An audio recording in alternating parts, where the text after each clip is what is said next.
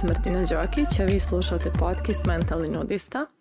Nalazimo se u epizodi broj 13, koja sasvim slučajno pada na petak, tako da sada imamo svoj petak 13. Uh, e, I u ovoj epizodi govorim o temi koja se zove Želiš li rješenje za svoje probleme? I naravno kada izgovorim to pitanje, svako normalan bi rekao naravno da želim kakvo je to pitanje, međutim taj odgovor dolazi iz svjesnog uma, dok nesvjestan um često ima neke svoje sasvim drugačije ideje da li njemu to rješenje treba ili ne. E, zapravo ono o čemu ovdje pričam je to da dosta naših problema mi čuvamo zato što nam donose određeni benefit, koji nama nije na racionalnom nivou očigledan, ali na nesvjesnom nam i tekako odgovara i tekako donosi to što nama treba u tom trenutku. Ovo je sve nastalo, a kad drugo nego u djetinstvu i predstavlja neki model ponašanja u kojeg, kao što rekoh, nismo svjesni, a tu je i postoji i vlada nama. O čemu se ovdje radi?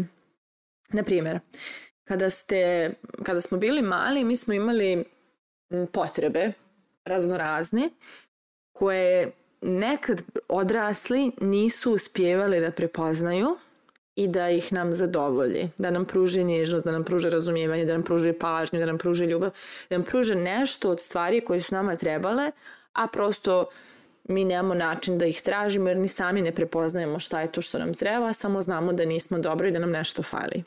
E onda smo mi kao deca razvijali raznorazne strategije do, dobijanja i postizanja toga što želimo i što nam fali, a te strategije su dolazile iz naše dječije nemoći, pa su se odnosile na to da nekada se razbolimo, da bi mama i tata više bili s nama ili da bi nam kupili igračku ili da bi dobili neku nježnost, pažnju, ljubav. Nekad se dešavalo da napravimo neki problem da bi dobili pažnju, ljubav, nježnost i slično. Tako da imali smo razne neke strategije kroz koje smo mi uspjevali da dobijemo to, tačno to što nam treba, naravno neposredno, jeli?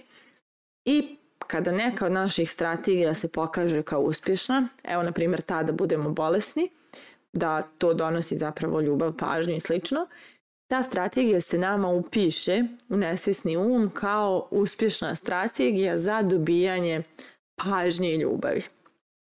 I mi onda lijepo Odemo u svijet odraslih, a naša strategija ostala upisana kao uspješna, iako u svijetu odraslih nekad i nije baš uspješna. I da se dešava da mi na nesvjesnom nivou pribjegavamo tim svojim strategijama koje se čine da su logične kao za Boga e, imam slabiji imunitet ili za Boga ja sam takva bolešljiva, a u stvari to je samo način da se postigne naš nesvjesni um, da tako kažem, igra tu igru da bi dobio ono što mu nedostaje, a to je u ovom primjeru pažnja i nježnost. Tako da, to je jedan plastičan primjer na koji sve način smo mi u stanju da držimo neke probleme. Na primjer, iz navedenog primjera neko čuva svoj, svoju bolešljivost, jer time će postići nešto što ne zna kako na koje druge načine da to postigne. Jer kao malo dijete pri upoznavanju svijeta to je način koji mu je predočen kao ispravan da se to nešto postigne.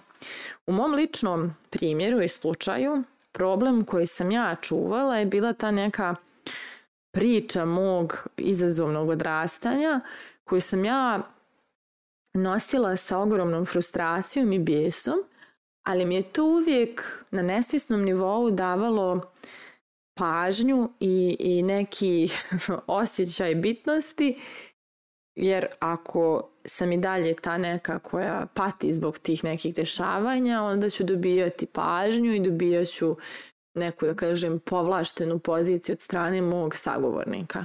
Ja sam ja dugo nosala svoje probleme i nisam ih rješavala jer nije mi koristilo da budu rješeni jer s gubitkom tih problema izgubila bih neke mnogo važne da kažem, asete koje dobijamo drugih ljudi.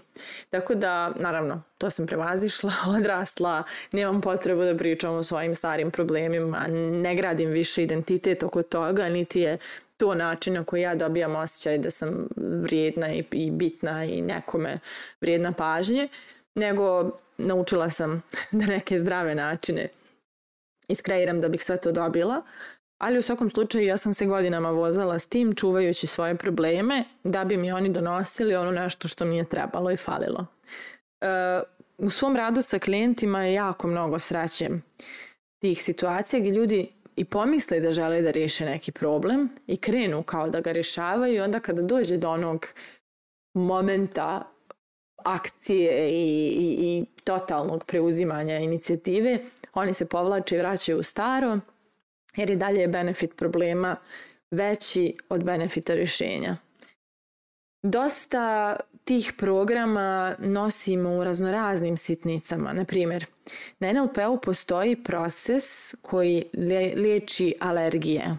Znači, postoji mogućnost da osoba koja ima alergiju prođe procesni, procesnu vježbu koju su kreirali terapeuti i kroz par tih procesa dođe do razrešenja njene alergije tipa ambrozije ili polena ili čega god, jer se radi na rešavanju baga koji se nalazi u našem sistemu, a koji prepoznaje nešto e, benigno kao veliku opasnost.